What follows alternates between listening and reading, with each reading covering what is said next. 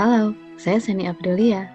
Hari ini saya akan berbagi cerita tentang rencana. Januari 2020, di kepala saya ada banyak sekali rencana. Misalnya, merayakan ulta bocah kecil kami dengan liburan ke pantai, menghadiri dan merayakan wisuda adik bungsu di kota pelajar.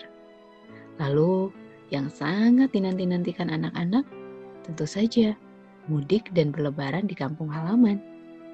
Biasanya, pada malam lebaran, selalu tidak kurang dari lima menu disediakan oleh ibuku.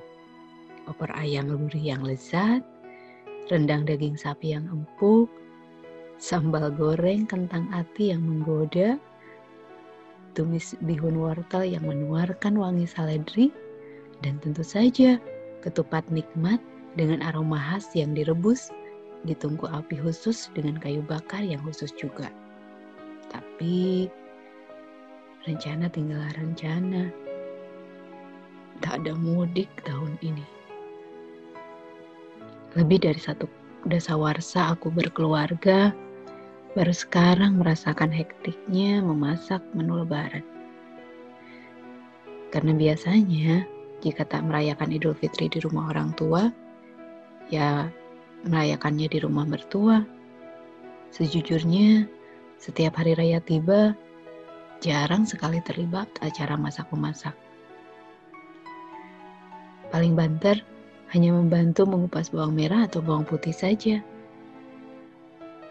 Jadi, pada malam lebaran, di tahun pandemi ini terjadi, Sempat terpikir membeli masakan jadi saja, agar praktis dan mudah. Tapi rasanya kok tak tega terhadap anak-anak yang biasanya dibanjakan oleh masakan enak neneknya. Jadilah, tanpa rencana, menantang diri sendiri memasak semampunya. Meski tidak seenak masakan ibuku, aku cukup berhasil menyajikan dua dari sekian menu lebaran yang biasanya disajikan neneknya anak-anak. Ya, rencana memang tak selalu berjalan sesuai dengan rencana. Jadi, saya berusaha fleksibel dan berdamai dengan segala rencana yang telah dibuat. Agar hidup tak kehilangan makna dan bisa berdamai dengan selaksa rasa serta pengalaman dan warna-warninya. Jadi, Anda semua sudah punya rencana apa saja untuk esok lusa?